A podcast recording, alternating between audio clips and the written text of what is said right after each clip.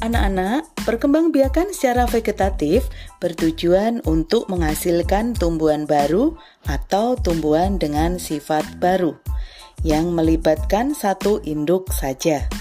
Perkembangbiakan vegetatif dapat terjadi baik secara alami maupun secara buatan.